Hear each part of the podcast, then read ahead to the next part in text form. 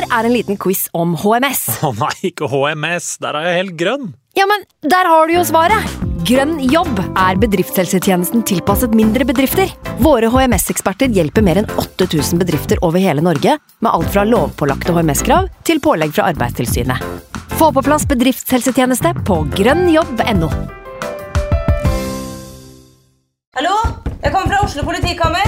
Ine Jansen er purk. Er du purk? The motherfucking bitch. Alt jeg vil, er å finne ut hva som skjedde med mannen min. Jon Carew. Er jeg sikta for noe? Iben Akeli. Det er du. Ole So, Lars Berrum og Big Daddy Karsten. Hvem sin side er du på, egentlig? Anette Hoff, Tone Danielsen, Kommer du fra Afrika? Jørnis Josef, Nesten. Kløfta. Trond Espen Seim, Det er synd å si det, men det var feil mann som døde. Purk. Se nå på TV2 Play.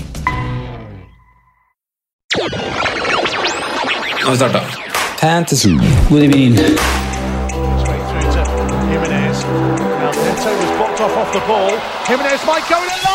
God evening.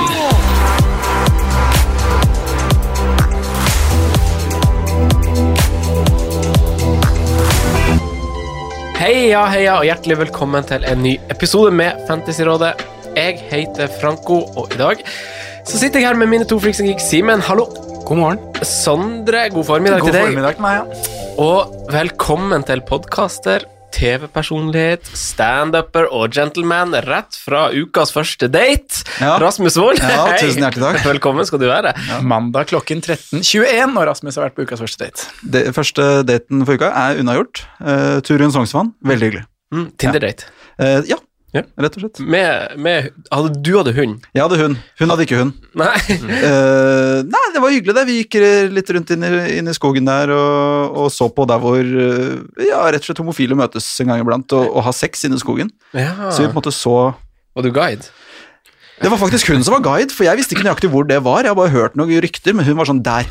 Så, så var det kanskje et lite faresignal da, at hun var så veldig bevisst på nøyaktig hvor det var. Ja. Var det første date? Ja. Ja, Blir det nummer to? Eh, ja. en date nummer to? Ja. ja det, det er lov å håpe. Det var en veldig fin første date. Det sier bare litt om hvordan du er som fyr. Ut på tur! Ja, Hæ? der er du deg. Ja, Bergansklærne klærne er på, sekken og Kaffe. Det var Todd- var Toddy. Hun, hadde, hun hadde med Toddy. Den er sterk. Ja. Den er sterk, faktisk. Hun har stått opp tidlig i dag og, og laget Toddy. Og du stilte med hund. Jeg stilte med hund. Våt nummer hund som rista seg eh, på oss rett og slett flere ganger. Ja, riktig. Men du, Rasmus. Ja. Eh, du er jo ikke først og fremst kjent som en datemann. Du er jo aktuell med ganske mye for tida, egentlig. Eh, I hvert fall det siste året vært. Er du ikke det? Du har vært litt på Ja, TV, og jeg du har vært litt Jeg har ikke vært så, så mye på TV, da, men, eh, ja, men, men det høres veldig bra ut å si TV-personlighet. Altså, Ja, men du sa var det var- du var jo sånn, sidekick det med. Nikolai der. Ja, ja vi, vi har lagd noen TV-greier, og så er det egentlig Det her var liksom året hvor jeg skulle gjøre et gjennombrudd på standup-scenen, med mitt første soloshow, Mm. uh, som da skulle ha premiere Eller hadde premiere 5. mars. Ja, vi har fått spørsmål, jeg vil ta den med en gang, fra Anders Lone Fosse. På, han lurer på hvordan det gikk med premiere for ditt første solo- soloshow. først. Ja, først, altså, Anders Fosse er jo det må også si, han er jo også en standuper, Ja. i tillegg til en FPL-mann på Twitter. Eh, nei, det, Premieren gikk fint, det. Det var kjempegøy. Både premieren og show nummer to var var bra. Så var det vel to-tre timer før show nummer tre at det ble lockdown.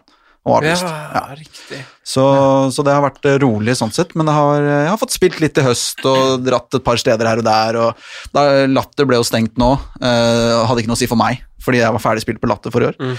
Så keeperen er Kevin Vågenes, eh, men eh, for min del så er det bare Det er rolig. Nå er det, jeg, prøver, jeg skal prøve å gjøre det om til bok, da. Å Så det er det jeg prøver å bruke tiden min på nå. Hva du skal gjøre om til bok? showet, på en måte. Altså, jeg har lyst til å lage en bok som heter Sportsidiot Eh, som er det samme som showet heter. Og da ikke skrive det ordrett, eller noe sånt, men, men bli litt inspirert av tematikken. da. Og så skrive ut f.eks. et kapittel om, om eh, reglement innenfor draktbruk, f.eks. For en Ja. fotballsupporter, når skal du ha på drakt, når er det greit, når er det ikke greit? Altså sånne normer? Hvilke deler av drakt? Ja, Ja. Uh, rett og slett. Og ja, masse sånne småting som er litt nerdete, da. Som jeg håper at uh, kan bli en bra julegave til uh, kanskje spesielt fotballinteresserte da, neste år. Ah, Ja, det er målet, men jeg, er, jeg har null selvdisiplin, så vi får se. det går treigt. Så, så det her er jo kanskje dette, det, dette hjertebarnet, det det, det er det du holder på med å brenne mest for, det er den, den standupen og ditt eget prosjekt, kanskje? For du har jo et par podkaster også er med i, som Ja. sikkert er veldig Ja, bryr meg ikke noe om. Det noe, nei, det er veldig gøy å spille inn en podkast med, med Mats eh, en gang i uka. Det er kjempegøy. Uh, Og og tennispodkasten, da? Ja, tennispodkast er jo Det har vært litt rare tider i tennisverdenen òg, da. Men, eh, men nå ble jo akkurat sesongen avsluttet i går, faktisk, med, med ATP Finals, for de som har fulgt med på det, hvor det var liksom masters, da hvor de åtte beste i verden møtes. Så det var, det var faktisk helt rått. Det er en liten luring som ser ut som han er 70, eh, som heter Daniel Medvedev, som, eh, som slo ut eh, Djokovic, Nadal og Dominic Thiem og alle gutta. Så han feide alle av banen. Så det er litt- fett. Men nå har vi jo helt sklidd helt ut der. ja, men jeg vil holde litt på tennisen, for du har jo du, altså, Ikke alle vet jo at du har jo, du har jo noen meritter innenfor tennis, du. Ja, ja, ja åtte ganger norgesmester. Høydepunkt. Åtte ganger norgesmester! Ja, ja, eh, Det er sjukt! ja, der er det noen, det er noen historier der jeg, jeg, så, jeg prøvde å få med meg de spørsmålene som kom inn på Twitter òg. og jeg har jo Jeg har spist lunsj med Bjørn Borg. Ja. Jeg har gjort, som er en sånn kul greie. Ja, så i, i, boksershortsen Bjørn Borg. Og, og, men der og da så var jeg var 16, så jeg var liksom Jeg, var liksom, jeg syns ikke det var så kult da. Det er mer sånn i ettertid at det var fett, da. Ja. Um, men uh, men også, også var det en fyr jeg, jeg slo uh, i EM i 14-årsklassen, 2005, som fem år senere slo Djokovic. Så jeg har slått han som har slått verdens beste spiller. Så jeg er desidert verdens beste spiller. Det er egentlig det som er konklusjonen her. Så det er noen sånne småting som man lever litt på. Uh, og så er det noen ting som uh, vet du, Jeg tenkte å fortelle Fordi jeg ble dopingtesta en gang. Okay. Uh, hadde akkurat, Det var rett etter russetiden min. uh, hvor, ja, ting skjedde jo for så vidt der, i russetiden. Uh, og så var det to da, jeg tror det var 19. mai, ja, så spilte vi NM eh, lag semifinale mot, mot Snara. Da møtte jeg Christian Ruud, faren til Kasper, yeah. som, som eh, fortsatt er psyko-god. da. Og jeg kom rett fra, fra tre-fire ukers eh, hardfylla, så jeg tapte jo så det sang. Yeah. Eh, og så ble vi jo trukket ut, da, fire spillere etter lagkampen var ferdig, til dopingtest, og det var jo da eh, Christian Ruud, og det var de to andre beste i Norge, da. De spilte på Snara, de var dritgode. Og meg. Ja. Det var, det var random trekning, da, eh, Okay. så jeg måtte da sitte og, og bare bøtte nedpå med Imsdal for å prøve å måtte pisse. For jeg fikk jo fullstendig pisseangst. Mm. fordi du må jo tisse foran en sånn fyr eh, fra Antidoping Norge. Og jeg, jeg takler ikke sånne situasjoner. Jeg, jeg blir selv på bare sånn pissoar på Anfield eller Ullevål stadion, for den saks skyld. Altså, så, så jeg klarer det ikke. Da må jeg holde meg tre kvarter til i så fall. For jeg, jeg prøver å Jeg ser for meg at jeg pisser ned en foss i Peru, og jeg ser for meg alle de tingene jeg har skjønt at man skal se for seg for at man skal få tissa. da. Men jeg, jeg, jeg klarer det ikke. Så jeg bøtta nedpå Imstad-flaske etter Imstad-flaske, og de andre liksom, gikk inn en etter en og, og ble ferdig.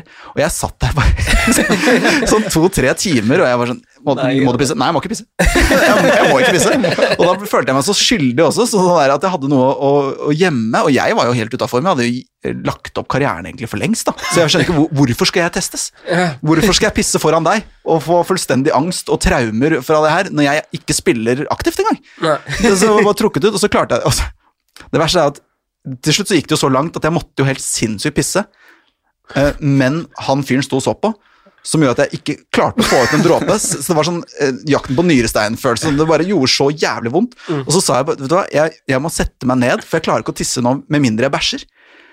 Uh, Så, så han var sånn Den er grei. Og så satte jeg meg ned på do, og så begynte jeg å bæsje. Foran han, altså han sto 20 cm fra meg. Uh, og så begynte jeg å bæsje foran han, og da kommer jo tisset naturlig som en, som en etterslenger av bæsjen. Så jeg, og da gikk det. Så da fikk han i den Da prøven sto sin. han i døråpninga og så på. Han sto omtrent på føttene mine, det var et bitte lite toalett. Så du kunne bæsje foran han? Jeg, jeg måtte bæsje foran en fremmed Ja, ja, bæsje foran folk, det er tydeligvis ikke noe problem. Men det var bare kommet til et sånt punkt hvor begge var bare sånn Nå har det gått tre timer her. Hvorfor? Og han skjønte at det er ikke noe poeng i å dopingteste deg, du er jo ikke aktiv. Og jeg var sånn ja, nettopp, hvorfor gjør det? Nå har vi skrevet opp navnet ditt, du er trukket ut, vi må bare fullføre. Så er jeg sånn ja, men det er ingen som får noe ut av det her. Så, så endte det med det mest ydmykende jeg kanskje har opplevd i mitt liv. Så det er et par sånne nedturer også. Nei, Det hørtes helt jævlig ut. Ja, Testa du negativt? Ingen kommentar. Ingen kommentar. Eh, men du, du er jo også en uh, viden kjent eh, Liverpool-supporter. Christian Bredal han har stilt spørsmål om du har en rangering av topp fem morsomme Liverpool-supportere. Har du det? Har du, Ja, har du jeg den? så spørsmålet, for jeg liker å stille godt forberedt til podkaster. Ja, så jeg har laget en liste med folk jeg syns er morsomme, som holder med Liverpool. Norske, da. Ja, ja. Eh, og på førsteplass, så, så det er kanskje Starte med førsteplassen. Ja, kanskje ikke jeg skal gjøre det. Ok, starte, ok, starte med femteplass, da.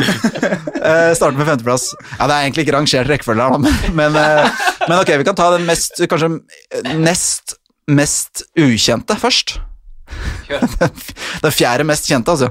Og det er Emil Berntsen eh, fra BMI, en, en improgruppe som heter Bare Moro Impro, hvor han spiller impro med annet eh, Christian Mikkelsen. Ja, Eh, og han er helt sinnssykt morsom. Eh, så det er liksom Som en kollega av han, da, eh, så, så føler man liksom at eh, Norge blir litt eh, snytt for at man ikke får oppleve den fyren her nok. Så, så for hver gang han er på scenen, så, så koker det fullstendig. Så, Ja, for han gjør standup. Han, Impro, Nei, han gjør eller impro. Impro på det andre Eh, teatret, eller? Ja, nei, ja, han har vært der et par ganger, men det er liksom den gruppa som han, som han har sammen med Christian Mikkelsen som heter BMI. da. Ja. Og De har en podkast også, eh, og han er bare psyko morsom. Mm.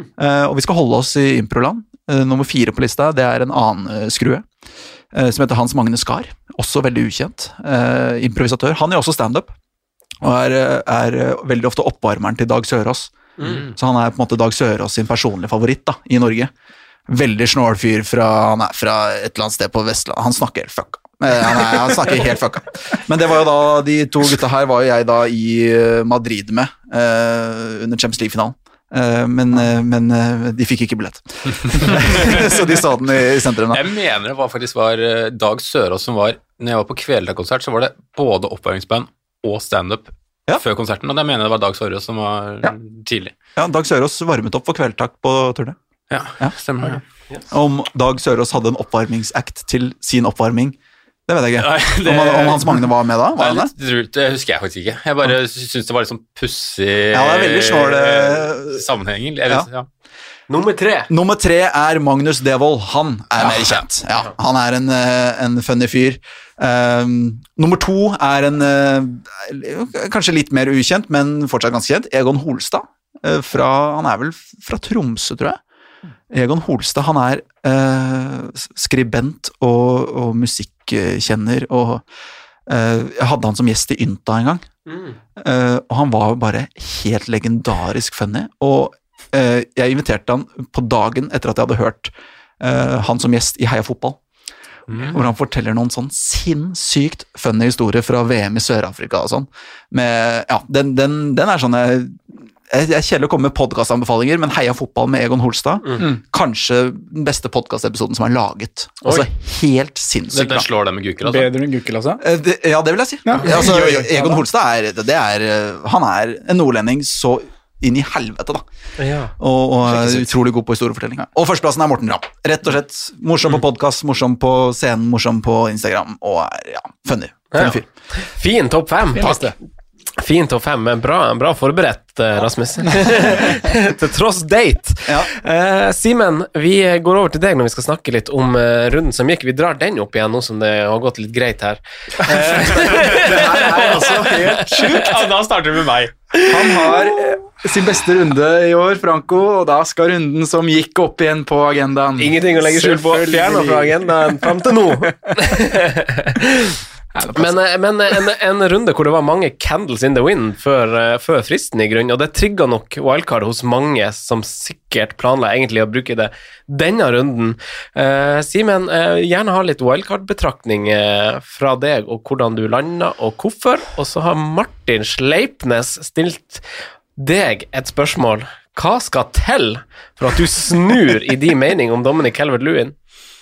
Nei, altså det skal ikke for så mye til, men altså nå er jeg egentlig veldig fornøyd med det laget jeg står, selv om poengsum denne runden ikke var så fryktelig høy.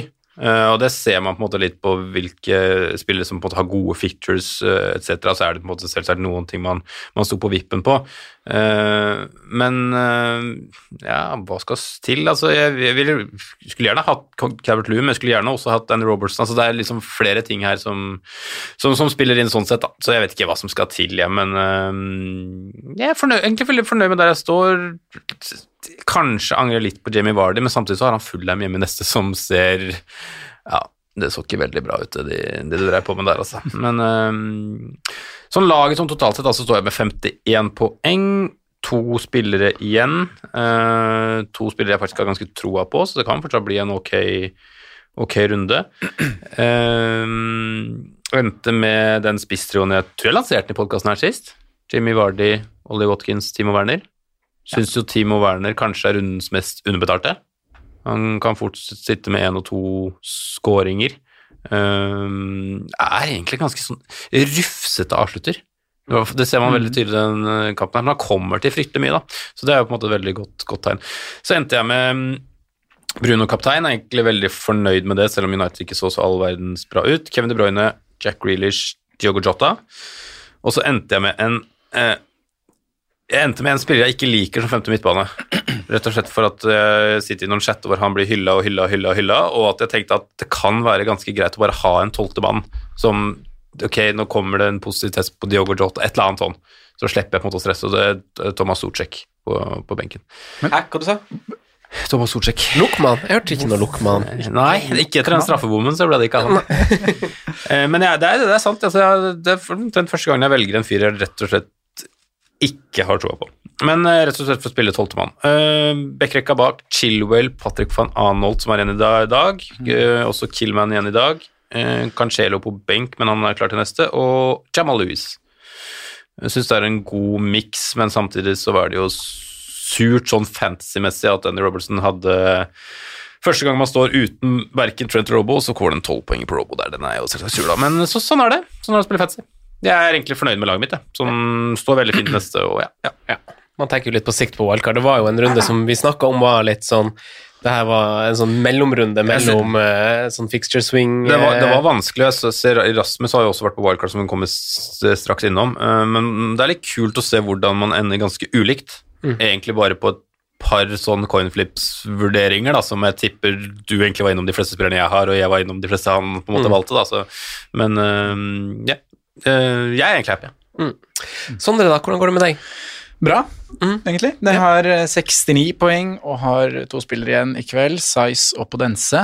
Uh, har jeg lest noen rykter om noe covid på Size og sånne ting, som jeg ikke har uh, fått bekrefta. Men uh, litt usikker på om han spiller. Men eh, ja, kan jo kanskje få Mitchell inn fra benk, uh, hvis det viser seg at Size ikke er med, da. Eh, gjorde ett bytte, og det var uh, Sala til Fernandes og Fernandes cap.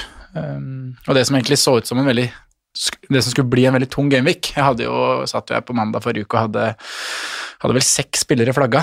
Eh, det løste seg altså gjennom uka, eh, og kunne da stille et greit lag uten å ta minus fire.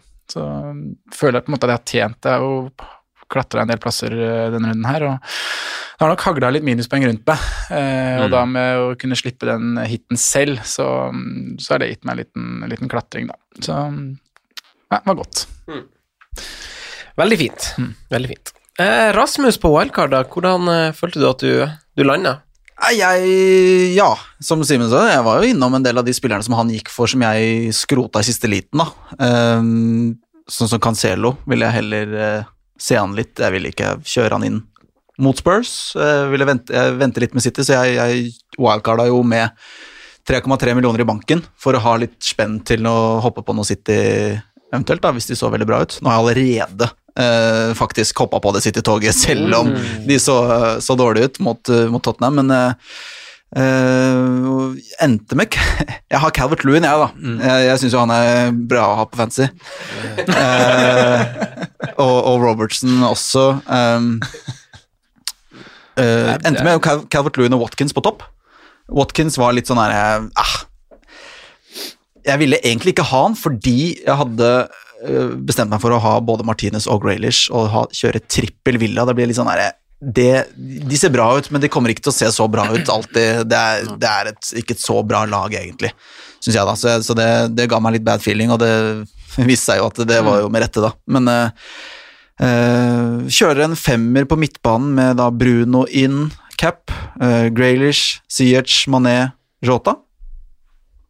Rett og slett. Kjørte Salah rett ut, og, og eh, er ikke noen sånn livredd for å gå uten han heller. Eh, hvis jeg må hitte inn han, det, det føler jeg liksom ikke er noe vits mot noen av de andre. Jeg, jeg elsker uh, Mané-valget, egentlig. nå. Jeg syns han så dritbra ut og, og kunne fått eh, masse poeng mot Leicester. Bruno er jo skitten fantasy-spiller, da, men, eh, men eh, det er jo digg å være på han, da.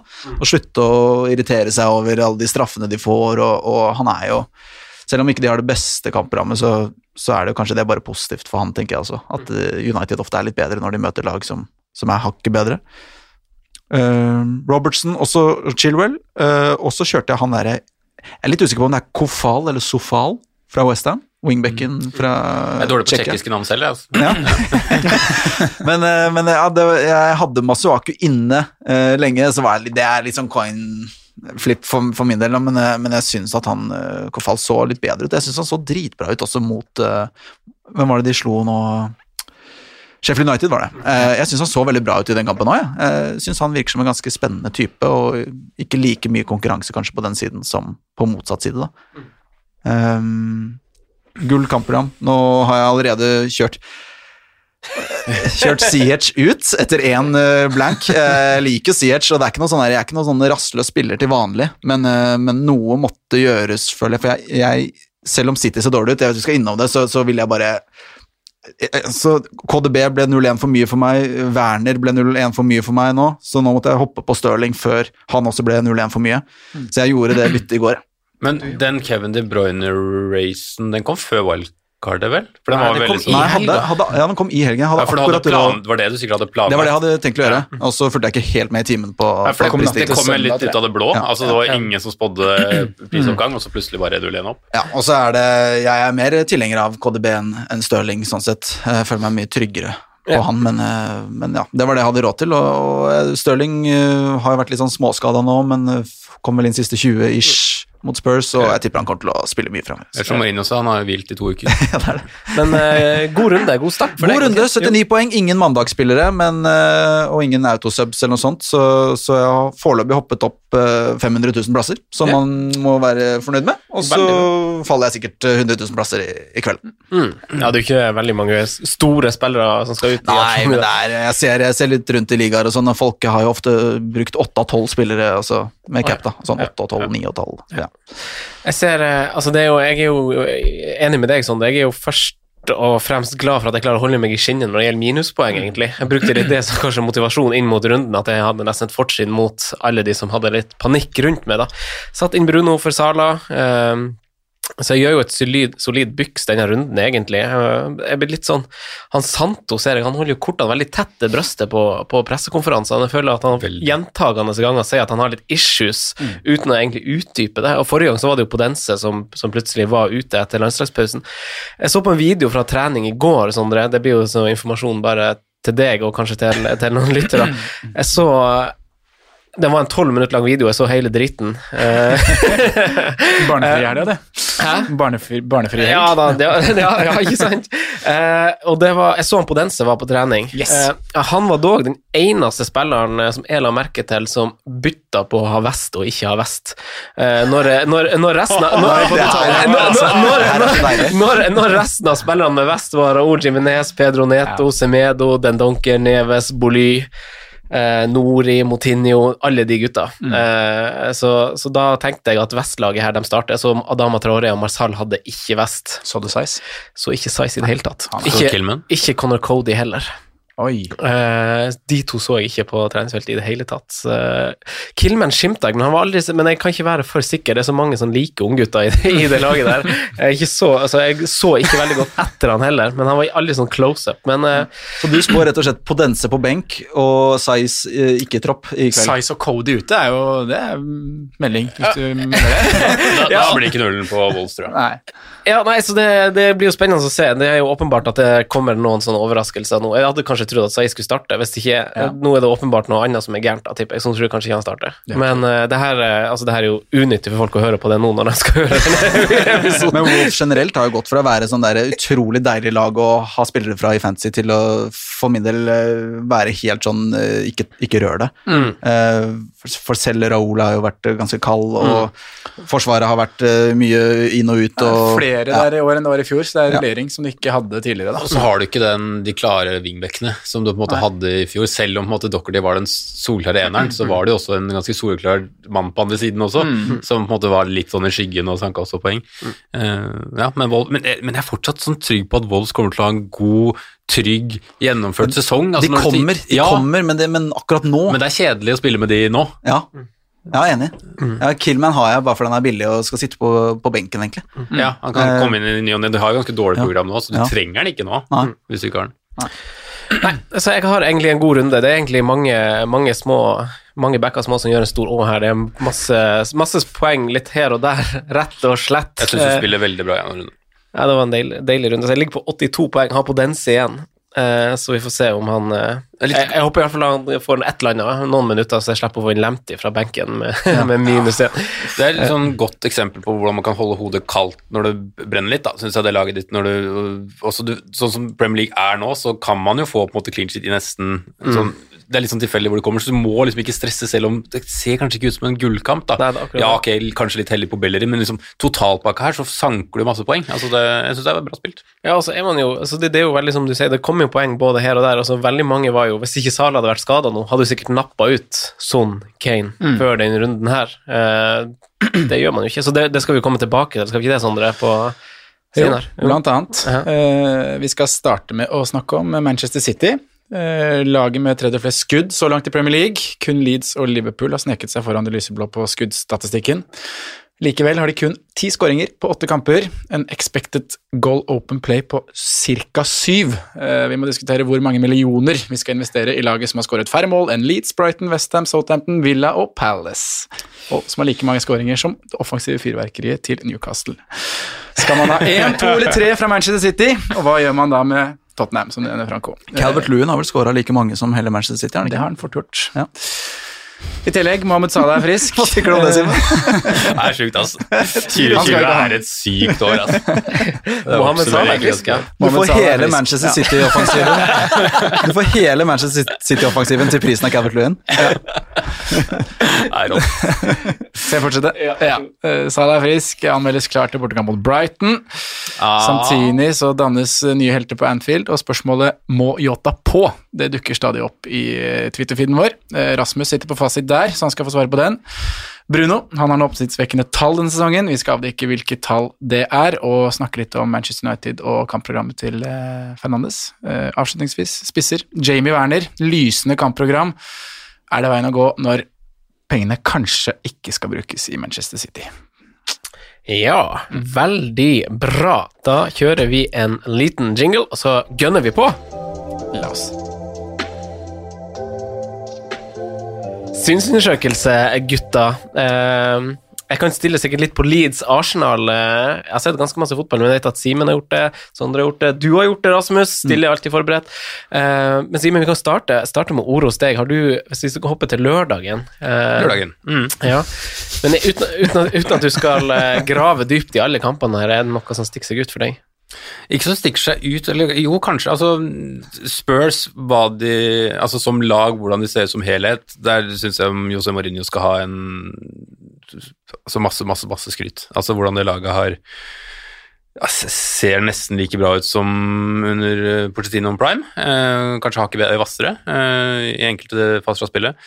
Um, så kom jo den som du har prata masse om nå, men laget som helhet ser veldig solid ut. Og tror vi har en, et lag som skal kjempe på plass nummer tre. Sånn enkeltspillere så vil jeg vel en, en, en nevnte i et annet klubb, nevnte litt i stad, Timo Werner. Jeg syns han var veldig sharp.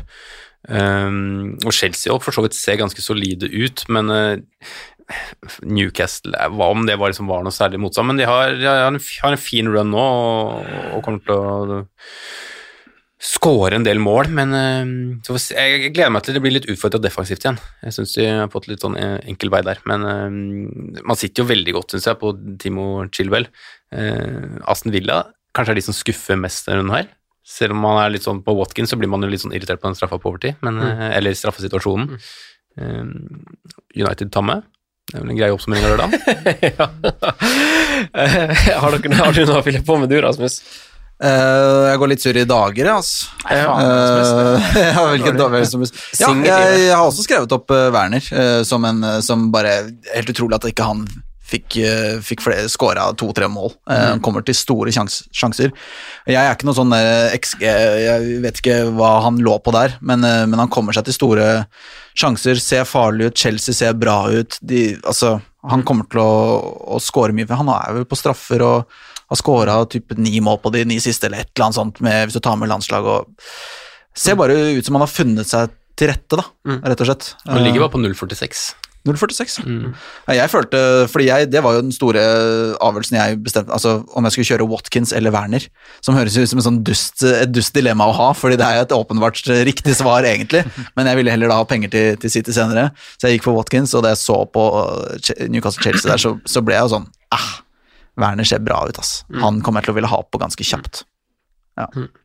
Har du noe å supplere med, Sondre? Ja, jeg så Villa Brighton, da, og der syns jeg egentlig det er mye man kan snakke om. Eh, og jeg, eh, helt fram til han fikk rødt kort, så hadde jeg skrevet ned at uh, Tarek Lamptey er en eh, spiller du bare kan spille i absolutt alle matcher. Han er så Eh, det er på en måte set and forget. Nå er du på ball, Sondre. Ja. Eh, Synsundersøkelsen brought back. Ja, det, er det den er til. Eh, litt heldig da, egentlig, for nå slipper man å tenke på om man skal spille mot Liverpool i det hele tatt. Man kan bare sitte en kamp på benken, for nå soner han jo, så er det en veldig fin rekke som kommer etter det, med Southampton, Leicester, Fulham, Sheffield United og Westham. Så um, ja, han skal på hvert lag, og han skal spilles i hver eneste kamp. Eh, I tillegg så det var, fikk jeg litt gjennom Match of the Day òg, da jeg så deres analyse av uh, Welbeck mot Pailinken, som også så veldig veldig bra ut. Eh, jeg tipper Welbeck skal være med på perrongen i dag. Uh, om han ikke er det, så blir jeg skuffa. Uh, men det er mye i det offensive Brighton der, men det er liksom derre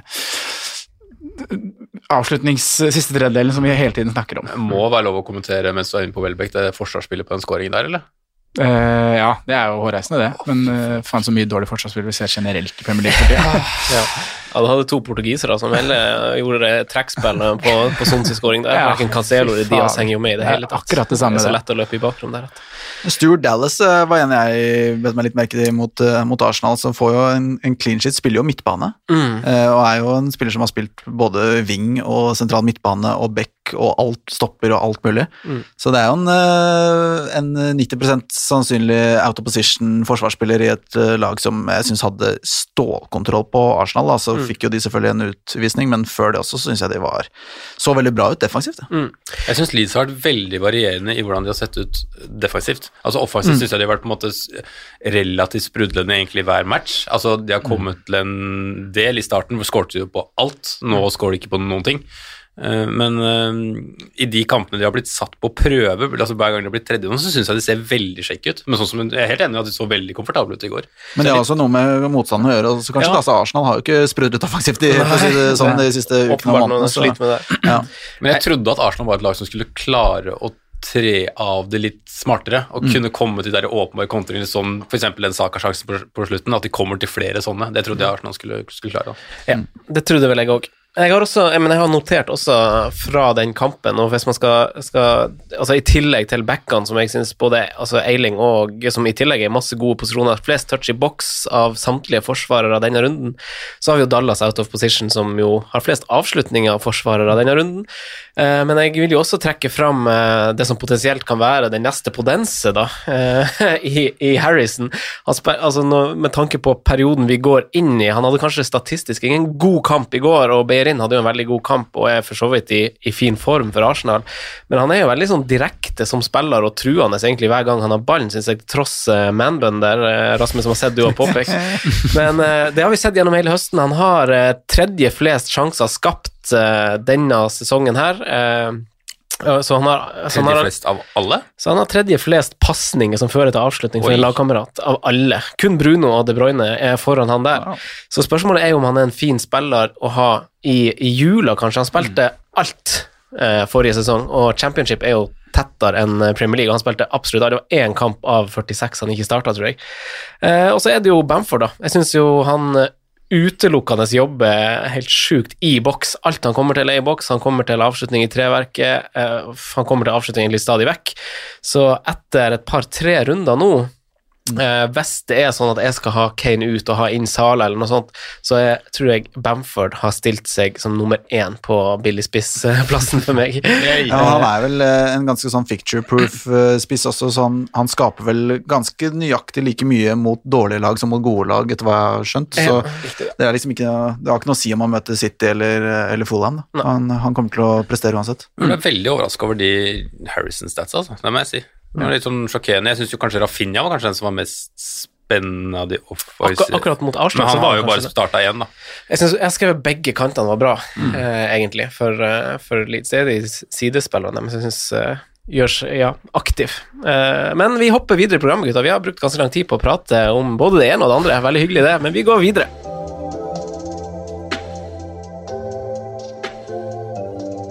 Simen, man fanger ikke fisk med tørre fingre, gjør man det? Det er sant. Nei, vi har et ønske om å komme i forkant, hæ?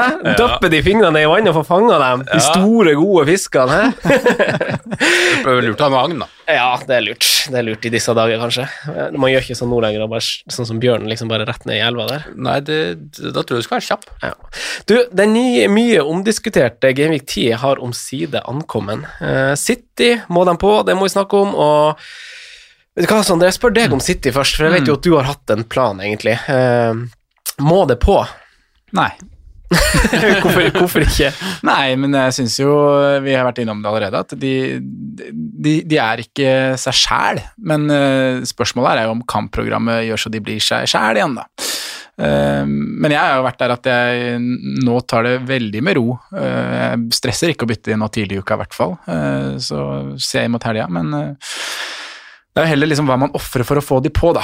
Um, og jeg, er, vi må liksom rett over og snakke på Spurs, da, for det er det som er min vei inn i Manchester City. Jeg må kaste Son eller jeg må kaste Kane. Um, og vi har på en måte sett det, det gang på gang nå. Uh, Tottenham enormt skumle når de får sånne kamper som i, i går, da. Uh, Skårer første målet, så er de jo Ja. dødelige. og da får de bakrom, de får eh, masse rom å angripe i. Eh, Kane fyller lomma, Son stikker inn bak, og den, den duoen den er dødelig. Eh, og når jeg ser på kampprogrammet som For det er jo det vi liksom har som begrunnelse for at nå må Tottenham ut, kampprogrammet blir tøffere, men er ikke det nettopp de kampene hvor de kan få det rommet de liker? Southampton, Manchester United, Westham United det er de lagene de har scora mest mot så langt i år. Det er alle lag som gir bort mye bakrom. Nå kommer Chelsea, Arsenal og Liverpool. Der òg blir det jo rom å løpe i for sånn og Kane. Så det er liksom, Man må ta den vurderinga, stille seg det spørsmålet. Vi vet at City kommer til å skåre mål mot Burnley, mot Fulham. Uh, mot. United og West Brom. Ja, ikke sant. Uh, men der er det mer spørsmålstegn hvem som kommer til å gjøre det. Uh, er det Stirling, er det Kevin De Bruyne? Ja, de kommer til å være involvert. Men det er også Torres, Mares, alle de der som kommer til å melde seg på i 2-3-4-0-seire, da. I Tottenham så ser vi at eh, både Son og Kane er Jeg har ikke prosenten på det, men de er involvert i alt, alt av skåringer, så å si. Så det det koker ned til for meg, er kapteinsspørsmålet. Kan man kapteine andre spillere enn Tottenham og City i perioden som kommer? Uh, nå har jeg ikke dykka i det, men jeg tror vi kan det. Nei, det var litt av argumentet for, i mitt hode for, å, for å faktisk gjøre det CH til Stirling-byttet i går. Mm. Det var jo rett og slett kapteinen de to neste og om fire kamper. Ja. Eh, hva blir det? 10, 11 og 13? Mm. Ja. Blir ikke det? Fulham og West Bromwich. 10, 11, 13, ja. Og så er det en Liverpool-cap i Gaming 12 der. Mm. Eh, så men jeg er helt enig i at uh, Spurs må, må bli. Hvorfor skal man endre på noe som Mm. funker så bra? Det er jo som å hoppe av Calvert Lewin. Det er jo, Kan sammenlignes. Nei, nei, det er jo bare sånn, bare la det, bare la det stå, så får man heller se om det er noen andre plasser som man kan eh, gjøre noe med. da, om, man, om man ikke er solgt av Bruno, eller om det er en eller annen spiss, altså om Werner eller Vardy for den saks skyld, som kan gjøres til Kane, eller nei, til, til Jesus. Eller, altså, Men Har du Tottenham-spillere? Nei, nå har jeg ingen Tottenham-spillere, og jeg merker at det skulle veldig gjerne hatt Spesielt Son er den jeg Hvorfor liker Son best. over Kane? Det er som, eh, som Sondre er inne på, da, med, med bakrom, kontringsstyrke. Han er en ekstremt god avslutter. Sånn tullete god eh, topp tre i og presterer jo, Overpresterer jo XG-en sin hele tiden. Mm. Og eh, ja, så jeg er jo, en, er, jo en sucker for de som tar straffer, da. Så jeg er jo Jeg, jeg liker Kay nå, Ja. uh, men det er mye penger, og, og man får kanskje dekka det meste i, i sonen. Jeg syns han ser kanskje hakket farligere ut, da. Mm. Uh, og spesielt i det kampprogrammet de går inn i. Så Jeg jeg er er syns det er litt surt å ikke ha noen av de nå. Det, det må jeg si. Jeg angrer på det. Ja, det var det som gjorde den timinga litt sånn mm, drit. Jeg ville ha med den kampen her, men samtidig så altså Jeg er egentlig helt enig. Altså, man, jeg syns jo fortsatt da, ikke at man skal ha begge, selv om man på en måte kan det, men jeg syns ikke det, altså. Det, det må jeg si. Uh, men jeg ville også lent meg jeg, tror jeg er litt snudd, for jeg tror jeg hadde svart Kane forrige runde, hvis jeg skulle liksom sagt én skal jeg beholde, men jeg tror faktisk jeg ville sagt sånn nå. Ja, Det var ikke så rart at du sa det forrige runde, for han, Son var jo ganske iskald i kampene før. Så Mm. da tror jeg vi var ganske samstemt. Og jeg syns jo sånn som han Kane eh, Han er jo altså Sånn som han Sondre sier, så er han jo feilfri i sine involveringer. Altså alt sett, bare pasningen sitt, skuddene sine, altså liksom alt bare funker. Toppform. Ja, så, så det Så jeg, jeg har jo begge, og det er jo det make you explode. det er det spørsmålet jeg stiller meg selv. Må jeg ha begge? Altså når, når man kanskje vil komme i forkjøpet på City, eh, man vil ha Sala tilbake, noen må man ofre. Jeg ser, ser for meg at jeg kan sitte med tre stykk. Tre av Bruno, Sala, Stirling, Kane, Son. Aner ikke hva jeg skal gjøre, jeg har ikke bestemt meg ennå. Sondre, jeg vet at du var, var Kanskje du får plass til en ekstra da, hvis du kjører Shota i stedet for Salah? Ja, men det, det skal vi Det komme blir- tilbake ja. til etterpå. Eh, for det blir et sånn typisk spørsmål sånn Skal man ha For Liverpool går snart inn Altså, Liverpool har på papiret kanskje det fineste kampprogrammet i jula. Til tross for at det er litt reising og bortekamper og sånn, så har de grønne kamper. Altså, da er jo spørsmålet liksom sånn som hvis de stiller oss med sånne spillere noen gang, blir det en spiller man har i tillegg til, eller blir det en spiller man har i stedet for? Er, Eh, det da liksom, er man komfortabel med å kapteine Håta borte mot Fulheim i Genvik 12? Det er jo spørsmålet. Det er Så, sånn status er det nå, ja. Ja, Ja. Greit. Men skal vi inkludere med den med en gang, Rasmus Kork? Altså, jeg så jo han James Bench, eller hva han heter, var og sa at uh, Sala, han uh, kan man se allerede mot Atalanta. Ja. Eh, jeg er ikke helt oppdatert. Jeg, jeg hørte vel at eh, Jeg har ikke han, lest det måtte ha, han, har bekreftet. test, han har testa negativt Er det og, og skulle Ja, være med på trening eh, Skulle være Klopp med på trening i går, sa Klopp. Ja, ja. Eh, nei, i morgen, mener jeg. Eh, så i dag, da. Ja, så, så det, det, så, så han skulle være med å trene fordi han hadde fått det, det negative resultatet. Så, så da er han jo, skal han jo være klar. Jeg tipper han ikke kommer til å spille mot Atalanta. Da tror jeg det, de kommer til å sende ut eh, mer eller mindre reservelag. Altså. Ja, ja, det blir jo samme som i går, da.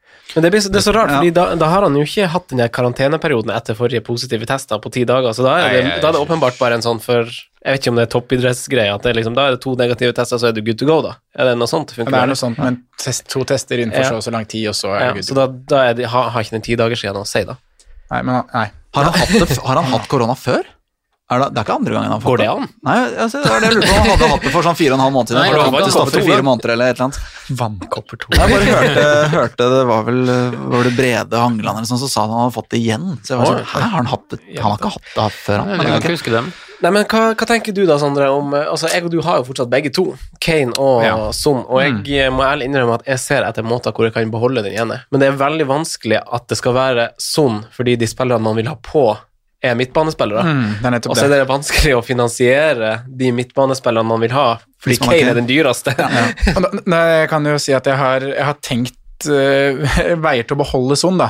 Da, men så likevel kunne dekke City. Og da har jeg vært liksom der at fader, skal jeg bare være tidlig og gjøre Kane straight swap to Aguero. Eh, med Aguero tilbake nå på benken. Eh, kanskje han spiller Champions League, og så er han plutselig inne i elver når Nei, Den derre Det, det mølet der vil du ikke inn i, ass. Jo, jeg vil inn i. Aguero hvis han spiller fra start. Det vil jeg. Eh, men Hvis Jesus er ute i lang tid. ja, Nei, ja. Tør du det hvis Jesus er skadefri? Tør du å bruke Hva er det han koster? 10,5? Jeg kommer sikkert ikke til å gjøre det, men jeg har i hvert fall sett på muligheten. Da, og 3-5-2 er en variant her, det også, når ting ikke fungerer offensivt. De har, de har skåra ti mål. De, Aguero må spille kamper igjen. Det er, Ja, ja. Han må inn for at de skal skåre. Så det har jeg sett på. Eh, ellers er jo sonen til KDB en enkel swap for min del. Jeg har pengene. Men jeg må også bare bestemme meg på om Sala skal tilbake på laget. Jeg må gjøre en vurdering der. Eh, for jeg er jo i samme sko som deg, at jeg kan holde tre av de. Mm. Men ja, per nå, Jeg- ikke peiling. Jeg lanserer Aguero som en mulighet, og at jeg fristes veldig av det. Megadiff, altså. Du, det Ja, det er det. det. Og om man spiller 60, så kan han jo putte bra med mål de matchene som kommer. Jeg har i hvert fall er bestemt meg for at uh, altså, jeg, eller mindre, altså, Nå har vi jo ei uke hvor, hvor vi får ganske masse svar, da, med Mm. Sala, det, det Champions League og Europa League, så mye kan forandre seg ut ifra hva det jeg tenker akkurat nå. Men sånn står jeg nå, så, så er i hvert fall det med City-spillere er jo et problem for han framtids-Franco. Jeg har ikke tenkt til å til å, til å ofre Tottenham nå for, eh, for, eh, for City. Og, men igjen, så til Fulham så føler jeg at jeg må på med, på med City. Mm. Og så eh, to kamper etter det, så er det jo West Bromwich på hjemmebane. Så det er jo West Bromwich Fulham i løpet av Altså på hjemmebane på, to, på tre kamper. Sånn som City så ut nå, eller de så ikke helt kritiske ut. De gjorde ikke det. De skyter, de har 22 Over 20 skudd. ja. 22 skudd. Ja. Tottenham har to-tre stykker. Ja. de så jo altså, Pep sa det jo også etter kampen, at de Han var jo fornøyd med hvordan de så ut på banen, at de bare hadde problemer med Jeg tror det er som en sånn skadeskutt hjort. De, de, de skal, de er, nå er de såra, nå er de revansjesugne. Kampprogrammet snur. Pep har signert for to og et halvt år til.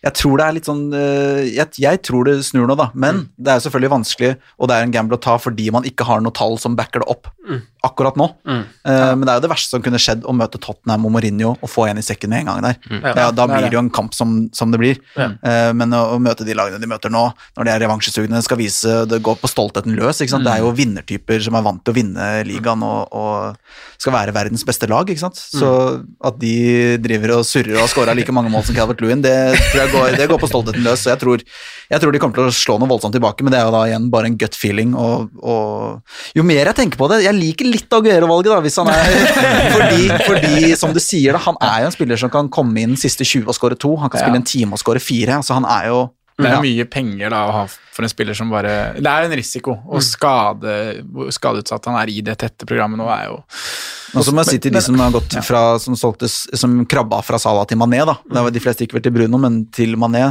Jeg koser meg med Mané på laget, selv om han blanka nå. Det, det, han ser så god ut, han er så farlig. og Det eneste som vipper i favør Salah, er egentlig straffene, men over en sesong så er jeg litt sånn Det er litt hipp som happ, og det har ikke vært et bytte, og i hvert fall ikke et hit nå, å krabbe tilbake. Det er litt Mané sin tur nå snart. Det er, han har ikke skåra siden Game Week 5, ser jeg. Han har vært, vært som, eh, som Rasmus sier, veldig god. Og han var veldig toneangivende i går. På offensiven. Eh, hva tenker du, Simen, om eh, altså, Jeg ser jo altså, i ei travel tid, men nå skal det fortsatt spilles Europa, da, men jeg ser jo City sine neste Premier League-kamper. De tre enkle kampene er jo på hjemmebane. Burnley, Fulham, West Bromwich. Og så er jo bortekampen deres er jo mot United, faktisk. Så de er jo, er jo og blir i Manchester, da. Eh, ganske lite reisebelastning for dem sin del. Eh, hvem, hvordan ser du på, på City-situasjonen, egentlig? Eh, jeg håper jo færrest mulig tar inn Kevin De Bruyne, eksempel. Jeg, da. jeg håper å få sitte der så, alene som mulig, men eh, man vet jo at man ikke, ikke blir det. Jeg, jeg syns for så vidt jeg sitter greit. Jeg, jeg var veldig usikker når jeg skulle sette wildcardet forrige uke, om jeg på en måte skulle gidde å ta det loddet jeg tok da i Cancelo som Cancelo. Um, som jeg, jeg føler at det er liksom en enorm rotasjonsrisk, og så plutselig så spiller ikke han to av de, de fire kampene fordi Mendy skal inn og komme inn og slå innlegg, liksom. Men um, offensivt så, er, så syns jeg jo at Kevin De Bruyne er som det nevnes det trygge, det, det, egentlig det beste valget. Bedre enn Stirling? Ja, jeg, jeg, jeg, tror det. Og så er på en måte uh, Aguero kanskje den som har den høyeste sånn uh, differential-potensialet her. Fordi det er nest ingen, som Rasmus er inne på, det er ingen som kommer til å egentlig ville inn og tørre å gå inn der. Og så tror jeg også Så syns jeg Jesus har vært ganske god også når han har spilt. Han har spilt bra, som er, om ikke han har bøtta i mål, så har han liksom sett bra ut, syns jeg. da. Det er veldig typisk at det er han som ligger i veien, da, før han De Ja. Bruyne på det, det, er så- altså, for Han er litt sånn Han er ikke Ja. sånn Han er ikke sånn ballettdans som resten av City, han er liksom den som bare ligger i veien plutselig. Ja, han er mer det arbeidsjernet og den motoren da, på, på topp der. Så, men, men Han, han, han, han er god, men han er ikke god nok. Men jeg syns også Ferran Torres og sånt starta kampen veldig bra for City spesielt. Uh, vil mye, men er det her spillere vi legger helt på is når Stirling, Aguero og gutta er tilbake? Det er en spiller i kjempeform òg, da. Han hadde jo I et hat trick, ja, hat trick i landslagspausen òg. Mot Tyskland. Ja, så, men ja, det er, jeg syns jo egentlig at det blir, det blir som å velge en eh, et B-valg i laget, men jeg kan ha det i tillegg, da. Men Altså, Skulle jeg liksom valgt lag sånn ukens lag, så tror jeg neste jeg hadde gått to defensive og Kevin De Bruyne. Mm.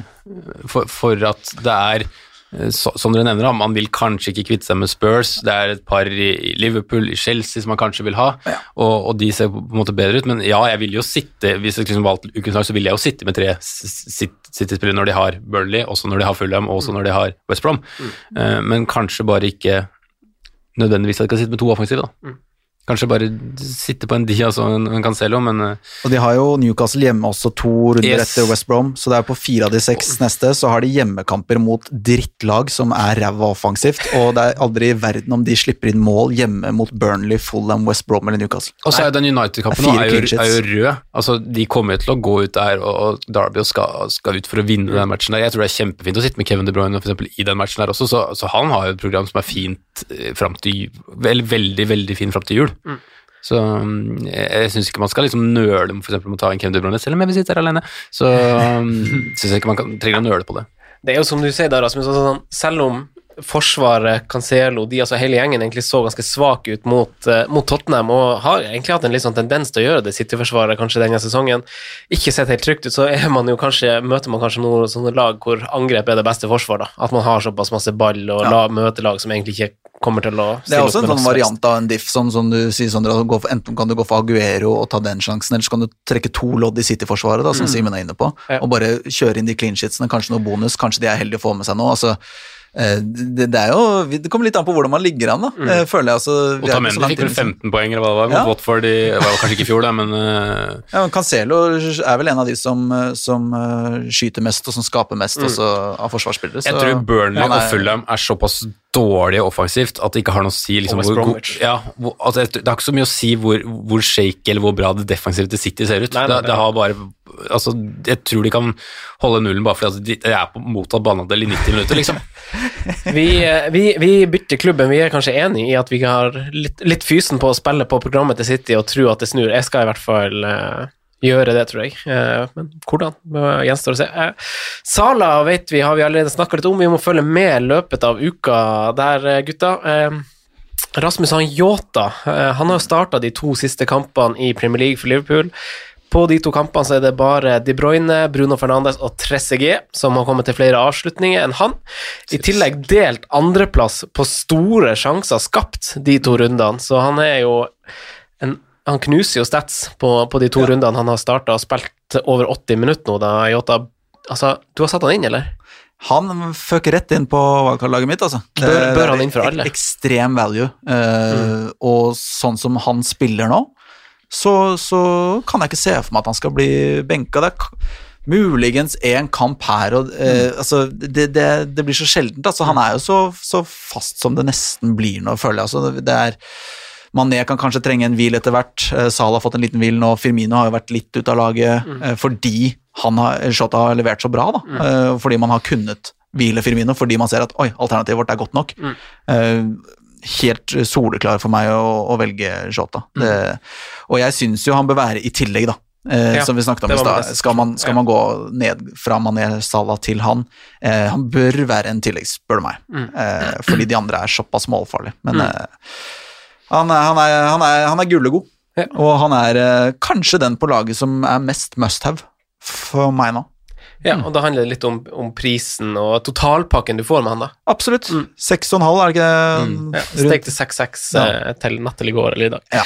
Eh, Sondre, da, hva, hvordan stiller du deg til, til Yota? Nei, klart det frister å gjøre Podense til Yota her.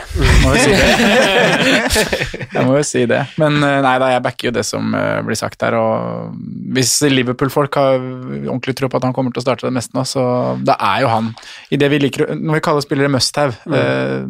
han her han koster det han koster. Han bør jo være på de fleste lag. Altså, Spørsmålet er bare om klarer å prioritere det byttet nå.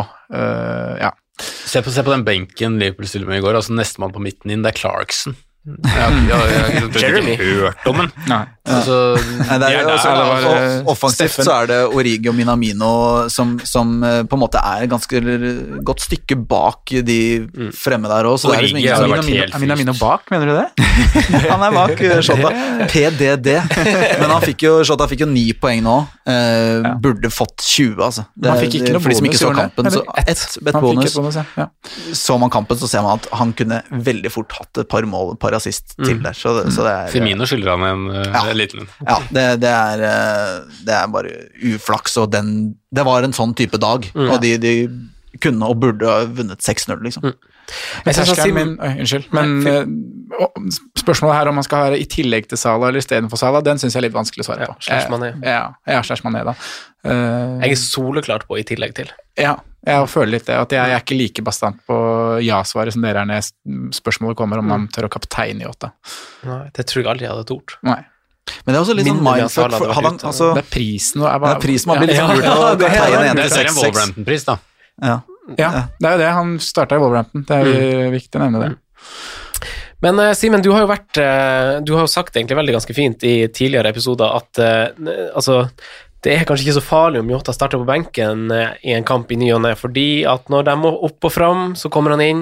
Eventuelt når eh, det motstanderlaget må opp og fram, så han, kommer han inn og er på kontra.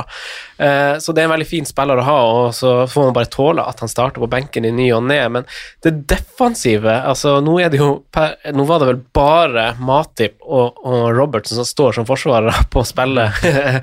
men tror du man må tilbake på Robertson, de som har, har kasta han av? Ja, jeg skal finne meg en vei tilbake dit, ja. Eh, det skal jeg, men eh, Men så ble det på en måte en sånn eh, hva skal vi si, en blanding av at Chilwell var på en måte det åpenbare førstevalget man gikk på, på, på defensivt før på wildcard, føler jeg. Altså, den, han var faktisk, eh, faktisk over. Eh, og så ble det litt som at jeg, vil ha et uh, City-lodd, og at, eh, at eh, situasjonen var som det var. Når jeg tok ut Robertson, så var Robertson veldig tvilsom. Eh, Fabinho meldtes ikke klar, eh, så det var på en måte en litt annen situasjon. Men, men det stoppeparet Liverpool stiller i går, det er kanskje brannfakkel, men det er kanskje ligas beste stoppepar. Eh, og det mener jeg. Eh, Hva sa du nå at det stoppeparet? Løper stiller i går, det er kanskje det beste stoppeparet i ligaen. Av, de, ja, altså, av konkurrerende lag. Mm. Ja, jeg, jeg tror ikke jeg, skal se mer av Diaz når jeg får sett han, men um, fortell meg hvem som er et bedre stoppepar. Altså. Hvem som er et bedre stoppepar enn Matip og Og Fabinho? Fabinho. Jeg ville nok gått for Diaz Laporte, men uh, Jeg ville også det. men, Jeg eh, ville gått Cody og Bol Bolio. Ben, ben Mi og Tarkovskij, helt klart. Nå er det mange som Så kjører gjorde tre Sju. Evans foran. Ja, altså, Det er- den, er, den er faktisk kanskje enig, og den er ganske nære. Ja. Uh, men jeg- Leicester også stiller på en trebekk, så det er vanskelig, og jeg, jeg, jeg, ser, ser det poenget. Men, uh, men, men for, altså, det er ikke noe problem med den rekka de stiller, stiller i går sånn, sånn defensivt sett, det er det ikke, men det er på en måte det som er det, var det store problemet sånn teoretisk, er jo at ingen, altså Forsvarsleddet har aldri spilt sammen, midtbaneleddet har aldri spilt sammen, og Angelstrup har starta én kamp sammen. Nei, de har faktisk ikke det heller, for det Salah har vært eh, på toppen. Så, vært det hele det er konstellasjonene som på en måte var den store utfordringa, men det var jo en maktdemonstrasjon. Jeg, det, jeg skrev det på Twitter i går, jeg syns det var sesongbest av Liverpool i går, og det, det er ikke på grunn av eh, forutsetningene. Jeg syns rett og slett det bare var uh, klasseforskjell utenpå der, mot et lag som, som skal være veldig bra. Ja, som også mangla Veldig mye spillere. Ja. Øyvind Alsaker. Ja. Der var han på jordet, gitt. Ja, Det var skivebom. Da skal han faen meg få høre det òg, det fortjener han. Yes. For å bomme, da må han faen meg henges ut i samtlige kommentarfelt. Sånn, det er sånn det er. Ja, akkurat, den der, akkurat den skal han få høre, for den, var, den jeg var grov nok til at det kan kommenteres på. Ja, så der òg har du jo to av bekkene De to bekkene er jo Ndidi. Ja, Ndidi er i Ja. klasse. Det er ikke bare Soyuncu som mangla der. Ja, kanskje ikke det. Curtis Jones koster synes bare folk- 4-4, Nabi blir Keita uten å skade. Ja, men det er jo Bare usaklig ufin, skal man ikke bli. Men man kan, man kan si Nei, at det, er bom. det, Ja. det jeg skulle fram til. At folk blir jo veldig sånn når, når litt profilerte folk bommer, så, så er det sånn Det her skal du vite, bli vite bedre enn Men det er vel kanskje, Men det er bra. Uansett hvem som påpeker noe, det beste folk vet i hele verden, er jo hets. er jo, ja, å påpeke du tar feil. Det er det, er det enkleste, og det er som folk liker best i hele verden, spesielt på Twitter. Jeg har fasit, jeg. Du har feil. Sånn er det. Jeg synes faktisk han som tok det opp, eh, han der Maxim, han tok det jo for, så vidt diskusjonen ganske fint. Men så det, det er jo folk som men, melder seg på der som er så usaklige at det Men det opplever sikkert du òg stadig vekk, eh, Rasmus. Absolutt. Absolutt.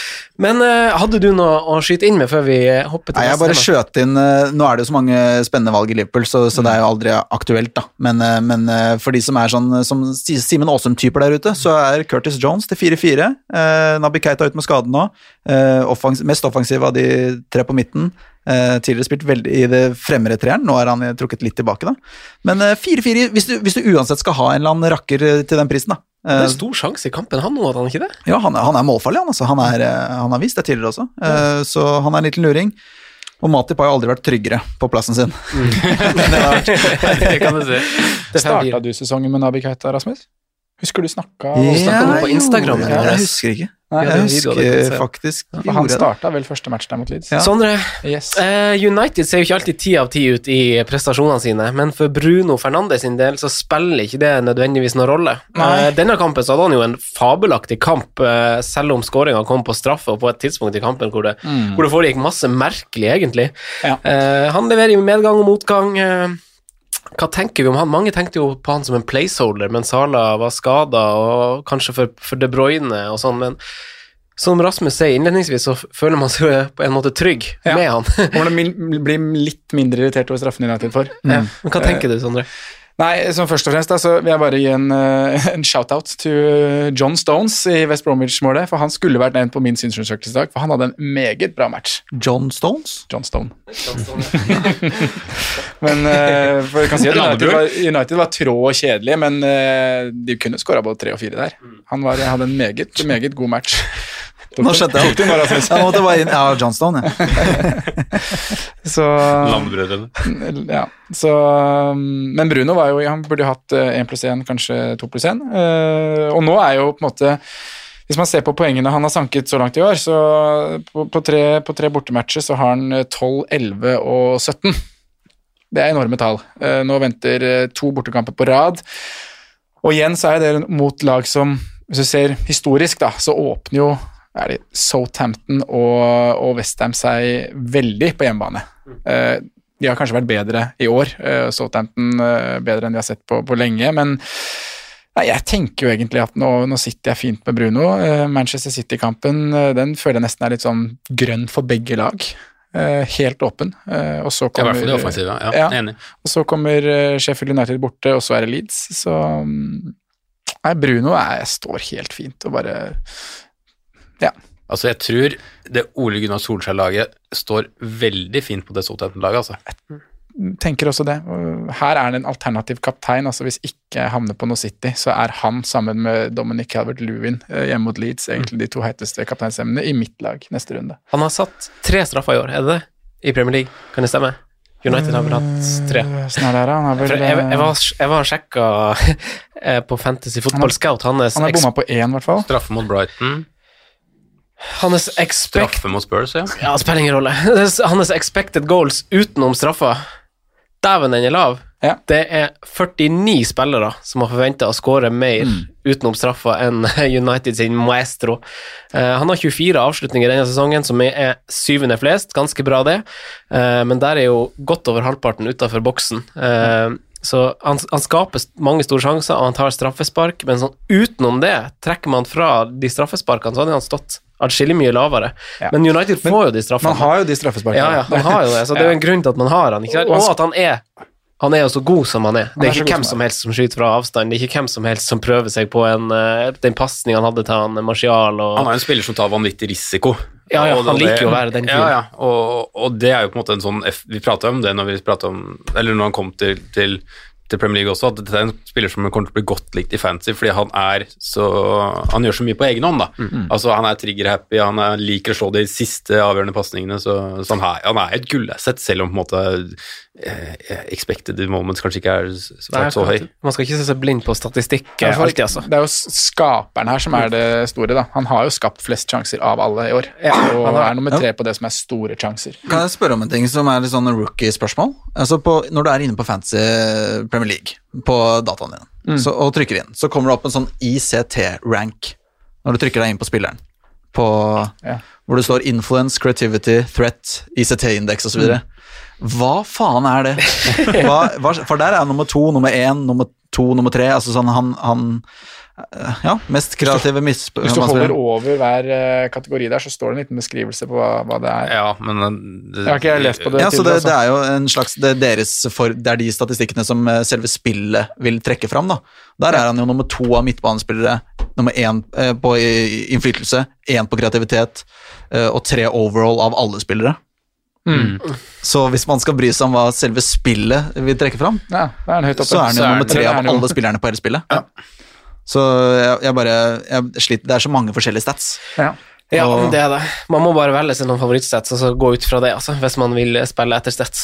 Men de er nok, de er nok sikkert viktige, de Altså, de er sikkert gode, de på en måte, indeksene der også, men man vet jo på en måte ikke hva som ligger bak. Og det er kanskje sånn som når Franco eller Sondre legger fram noen statistikker, så legger jo de fram de punktene på det de syns er viktigst. Og der er det kanskje mer, en, kanskje mer med indekser som vi kanskje ikke hadde brukt, da, Ja. av, av liksom materialet, vil jeg tro. Men uh, det vet jeg jo ikke før man har liksom uh, hva skal jeg si, gravd ned i hva de tallene faktisk innebærer, da. Men litt ettersom hvordan man har, uh, har strukturen i laget sitt, så vil det jo altså kommer det jo an på hvem man har råd til, og hvem man skal prioritere. Men vi var inne på liksom Son, Kane, Bruno Sala, Stirling, De Bruyne.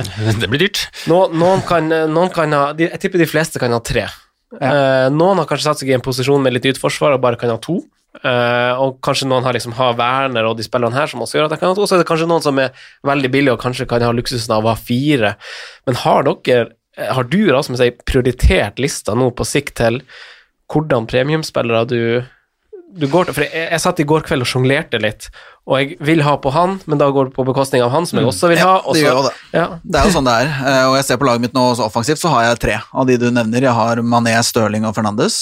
Uh, Mané ja, jeg, Det er jeg, fint da. ja, jeg trives godt Ja, med de gutta der, altså. Og, og det er ingen av de jeg vil ha ut. På no, altså det er ingen som gir meg en bad feeling på noe som helst. Uh, selvfølgelig vil jeg ha Son. Eh, jeg vil ha KDB, men som du sier, det, det, det er ikke plass, og da må man ta noen valg. Og, og på spissplass har jeg gått litt ned. Jeg har Calvert Lewin og Watkins. Eh, men jeg liker jo også disse offensive venstrebekkene. Så det er på en måte, du kan jo, du kan jo gå superbillig forsvar og få plass til fire, Eh, men, men hva Da skal du ha da skal du ha en veldig prioritert firer, da. Som, som vil si at du ikke du, Hver eneste Liverpool-kamp eller Chelsea-kamp så må du håpe Robertson og Chilwell eh, roter seg bort. Og Det er ikke noe digg følelse å sitte med, ass. Fordi det er skapende bekker som, som får clean shits eh, oftere enn de ikke gjør det, omtrent. Og det er lenge til neste wildcard for, for, for så vidt alle oss, da, som vi har jo tatt det nylig, og dere har tatt det allerede. Så, så det er jo lurt å sitte på forsvaret i de gode lagene. fordi greit nok, nå har du spilt ni kamper, og det er kan, kanskje litt sånn rart hvem som har holdt flest nuller og etc., men det, det kommer til å være Liverpool, Chelsea, eh, Manchester City, eh, kanskje de tre, Tottenham, som holder flest nuller når vi teller opp. Så det er jo der man vil sitte, og det er ikke forsvarsbytter man aller helst vil gjøre. Der vil man jo egentlig sitte relativt rolig og egentlig bare ha de man er fornøyd med. Så det er jo lurt å gå de, de trygge spillere Og Så er, så er det også det med å gå superbillig for å få råd til fire eller, eh, av disse premiumvariantene. Men så er det også noen i de, i de midtsjiktene som, som er så fristende, da. sånn som uh, i hvert fall for noen. da, så, så Calvert Lewin, for eksempel. Uh, Graylish er jo ja, så mange som mener er must haves. da, Eh, som, som bare er så god value at du nedprioriterer den fjerdemann. fordi du Ja. får så mye mer igjen for uh, Graylish, uh, Shota, eh, ikke minst. Eh, sånn som det er nå. da. Mm. De er i form. Absolutt. Og så har vi et billigspisslandskap som også har vært ganske spennende. Ja, Hvordan gjør du, Sondre, når du bestemmer eh, nå når, nå når noen viktige valg må tas nå, om du skal beholde Kane, Son, eh, du har Bruno, og du vil kanskje ha inn Sala og, og, og City, Hva som, hvordan bestemmer du deg for hvem du skal ha og veien videre? Jeg, føler, jeg går jo litt etter magefølelse, rett og slett, nå. Ja. Eh, og så to andre faktorer som er viktige for meg, er jo, som jeg har snakket mye om, kapteinsrotasjonen min. Eh, sånn For deg som sitter med Stirling, så er det veldig enkelt de to neste matchene. Da har du en City-kaptein der. Ja. Så vil du sikkert ha Mané i runde tolv når de har full Fulham, og så er det tilbake til Stirling. Kanskje. Shota. Ja, eventuelt Eh, Men når det er så 50-50 egentlig neste runde, da, om jeg føler Son eller Kevin De Bruyne er det beste alternativet, da er jeg nesten der at jeg bare ruller det byttet for så ja, Eventuelt gjøre noe i forsvar, eller rulle byttet og ha to bytter inn i neste kamp igjen. Eh, ja, Kevin De Bruyne vinner jo klart på fictures, men form så vinner jo både Son og Kane over City-spillere neste runde. Tenk, Så da Hva men- du? Kevin De Bruyne vinner Pictures neste runde? Ja. Ja, jeg syns han er en god konkurrent av Jimmy Vardy. av Tottenham og City-spillere. Okay, okay, okay, ja, de to, det er det som Ja, for det er jo et annet aspekt som kanskje skal- tas inn i diskusjonen. Da man skal gjøre et bytte et annet sted og få på en Jamie Vardy eller eh, Timo Werner. Men hvis vi snakker bare City, Tottenham og den floka der, da, så, så heller jeg mot å bare Per nå egentlig bare stå. Og- Men hvis det er helt dødt løp uh, for deg, altså sånn Mm. mellom Son og KDB, Mm. uh, vil ikke da det, dette kapteinsvalget Bikke det? Ja, vil ikke det? Altså over Jo. de neste, altså ikke bare neste gameweek, da, men over liksom fire-fem gameweeks fremover, da. Ja, men det er da liksom, jeg, Kan jeg kapteine eh, Calvert mot Leeds neste? Kan Ja. jeg kapteine Bruno bort mot Southampton? Og hvor mye verdi kan det være i å ha to bytter Ja. Helga etter? Da har vi kanskje sett enda mer av City. Eh, kanskje har Aguero fått 90 minutter. midtuke i Champions League der, ja. ja. ja. Det kan jo være smart for deg med tanke på hvordan det på en måte uh, brant før runden, selv om er ikke gjorde det det. helt inntil òg, da. Size har kanskje covid. Uh, Podense er jo, har jo annenhver gul og oransje. vest. Ikke shota høres jo ut som bare fø det pø, altså. Ja, det det byttet der er jo klink. 100 Eh, Men Simen, du har jo brukt eh, Altså nå er, Du har Jamie Vardy i laget ditt, som jo har altså fra å starta sesongen med å bare skåre på straffespark, også fått veldig gode underliggende tall nå. Eh, nå ligger det i skåring og, og vake her. Du har i tillegg sjansebrenneren Werner. Hvordan stiller du deg med de her spissene på laget ditt til til hele midtbane Alt som skjer nå. Eh, problemet er jo å, å få inn eh, Mohammed Salah og Robertson igjen, egentlig. Fordi man har gått den veien man har, man har gjort. Men det var jeg på en måte bestemt på når jeg, når jeg gjorde det også, da. Og så er jo ikke Jamie Vardy, for, for min del, selv om han egentlig er en big team slayer, så er han ikke tiltenkt å stå fryktelig lenge. Eh, jeg føler ikke at Jamie Vardy er en, er en type som er lurt å ha med seg inn i jula, for han er jo en, en mann som fort er vekk er ute en kamp med nok, og han blir ofte tråkka på litt sånn. Han er jo en type som plutselig er borte en match, så Men han spiller så lenge han er tilgjengelig. Eh, så han er tiltenkt sånn egentlig, med mindre det skjer så mye, så er han tiltenkt de fire neste. Eh, og så får vi se hva man, hva man gjør da. Men jeg har et kjempeissue den dagen jeg føler Mohammed Salah er et must, men han, han blir ikke prioritert til, neste, til, til, Brighton-kampen. Det blir han ikke om han er eh, klar. Skjønner. skjønner. Eh, gutta, vi hopper videre til eh, våre faste to spalter på perrongen, og din spalte, Sondre, er veldig spennende i dag. Yes. Og så hopper vi til spalten. Ja. Rocco nevner spillere som kan være aktuelle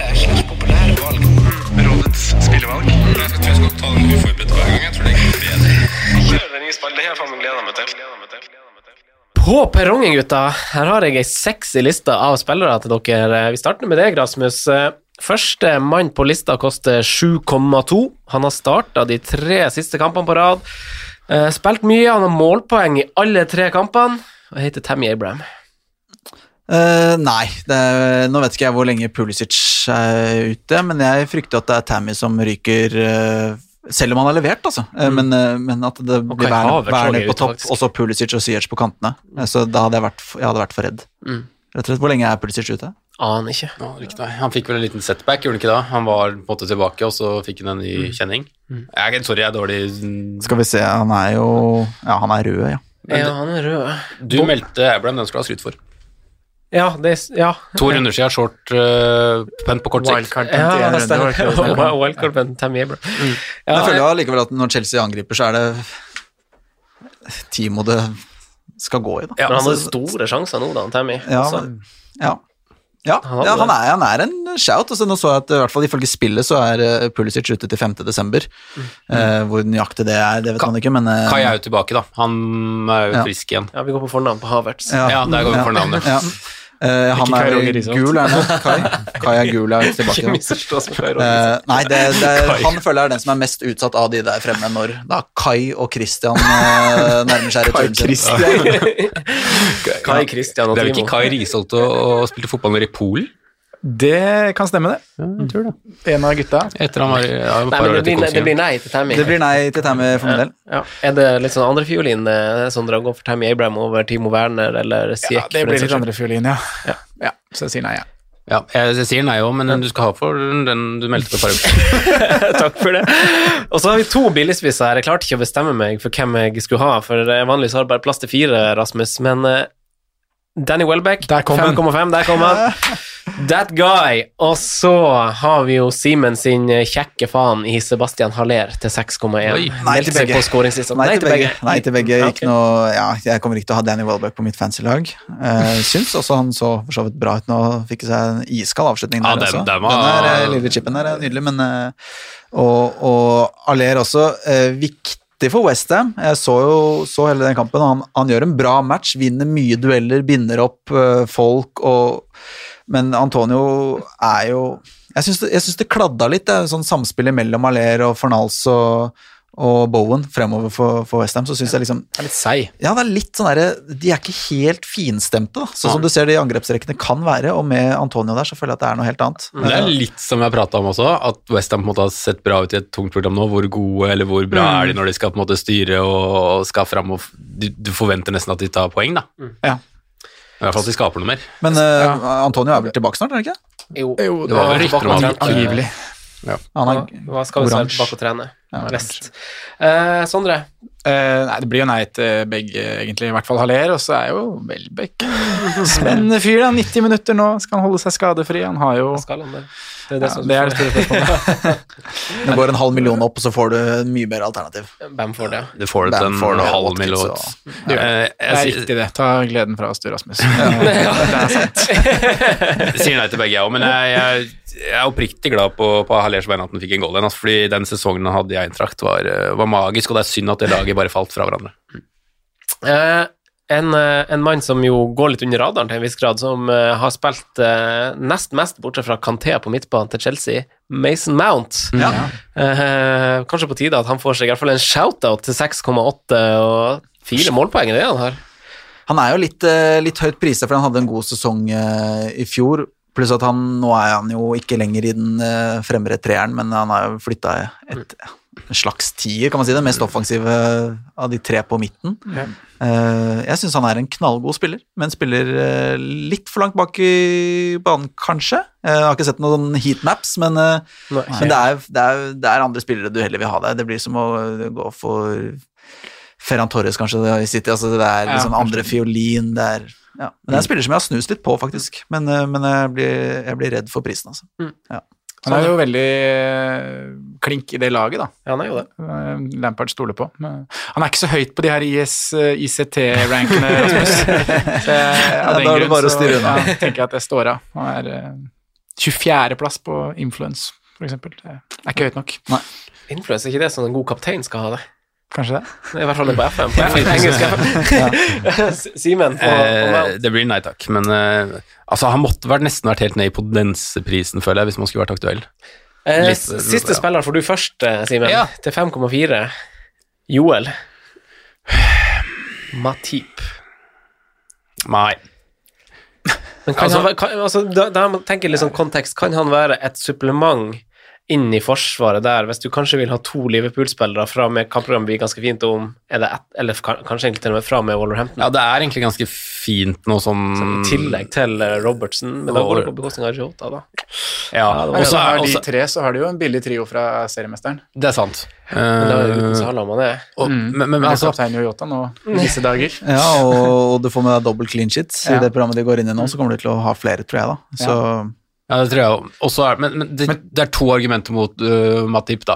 Det første er jo at han er et kjedelig valg. Altså sånn Han har en to-tre skåringer nesten maks i løpet av en sesong. Han er til å være så høy, så er det ikke så mye cornermål i han. Eh, og så er det det at han er relativt skadeplaga, og han høy, kommer til å få seg et trøkk i det hadde han vært en steady spiller som eh, sjelden ble skada, så hadde jeg, tror jeg hadde sagt ja. Mm. Fordi det, jeg føler at det er såpass uh, fin verdi i han og Liverpool fremover nå. Men uh, eh, det, han er nummer fire i Liverpool, sånn som det er nå for meg, da. Eh, eller nummer, nummer fem. Salah Mané, Shota, eh, Robertson er de fire du bør ha. Men selvfølgelig så er det jo, vi har snakket om så mange andre store pistoler eh, på laget man skal ha.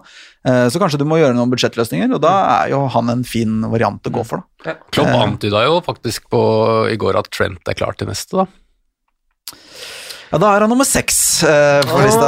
der, Mattis. skal man inn der igjen? Inn på deres Men han var veldig tydelig på at Men, ikke det var langt. langvarig. Men. Men Er som? Simen sier, han er så skadeplaga at det blir et nei uansett, fordi jeg hadde aldri turt å gå inn i en, en forsvarsspiller som er så skadet. Det aller beste med Joel Matip er jo at hver gang han har vært ute, om det er en uke eller om det er en måned, så kommer han inn og ser ut som han har spilt fotball sammenhengende. For han, han Ja. ser ikke prega ut i det hele tatt. Fortsatt like kald og Sander, Sander, du, kan, du, kan, du kan få svare. Jeg bare sitter og hører på det Ja. Liverpool eh, Matip-praten. Sånn, hva sier du til Matip? Nei.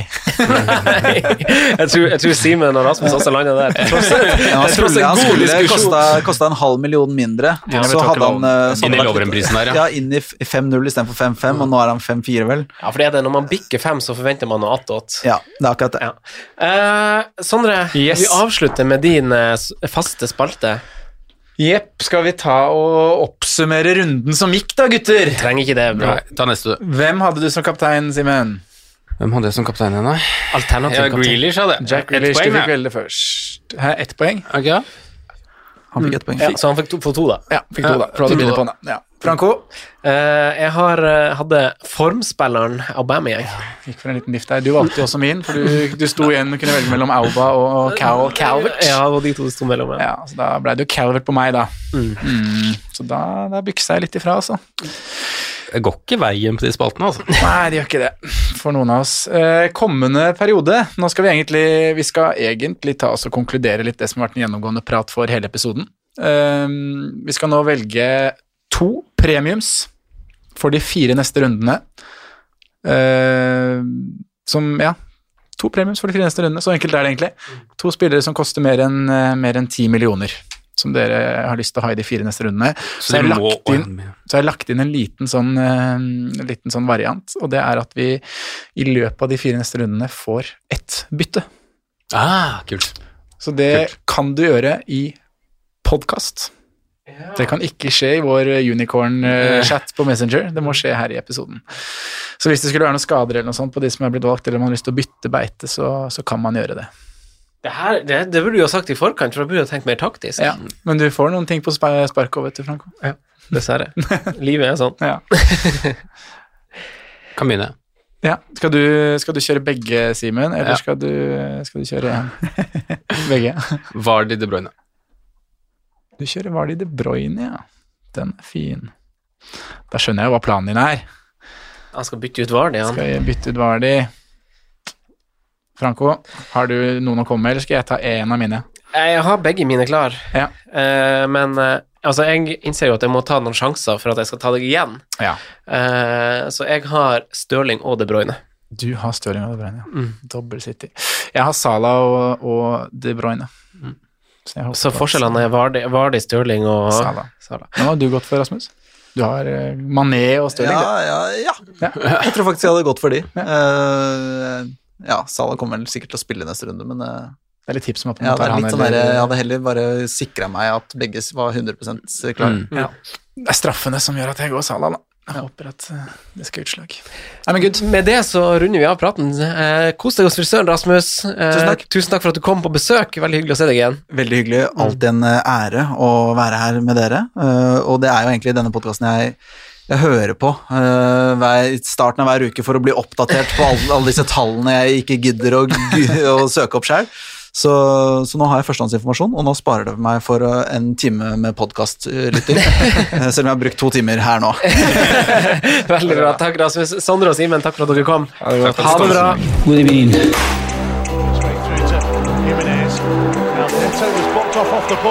Jimenez might go in.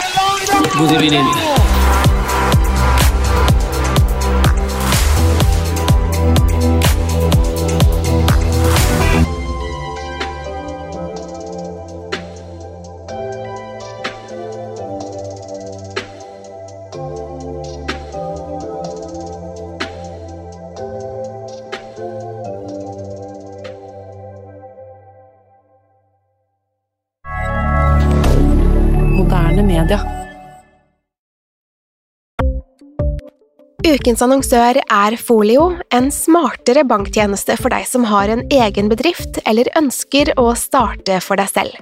Folio er en superenkel nettbank for bedrifter. Som kunde i Folio får du en bedriftskonto med et bedriftskort og app. I denne appen er det smarte løsninger som forenkler regnskapet ditt, uansett om du har en liten bedrift eller et enkeltpersonsforetak. Folio er både intuitivt og brukervennlig, og er laget med et enkelt språk. I tillegg tilbyr de forutsigbare priser og ingen skjulte gebyrer. Skulle du likevel trenge det, så kan du snakke med deres raske og hyggelige kundeservice, og der får du prate med en faktisk person og ikke en chatbot. Folio er med andre ord både enklere og koseligere enn banken. Over 10 000 bedrifter har allerede valgt Folio som sin banktjeneste, så besøk folio.no og se hvordan Folio kan forenkle din hverdag også. Har du et enkeltpersonforetak eller en liten bedrift? Da er du sikkert lei av å høre meg snakke om hvor enkelt det er med kvitteringer og bilag i fiken, så vi eh, gir oss her, vi. Fordi vi liker enkelt. Fiken superenkelt regnskap.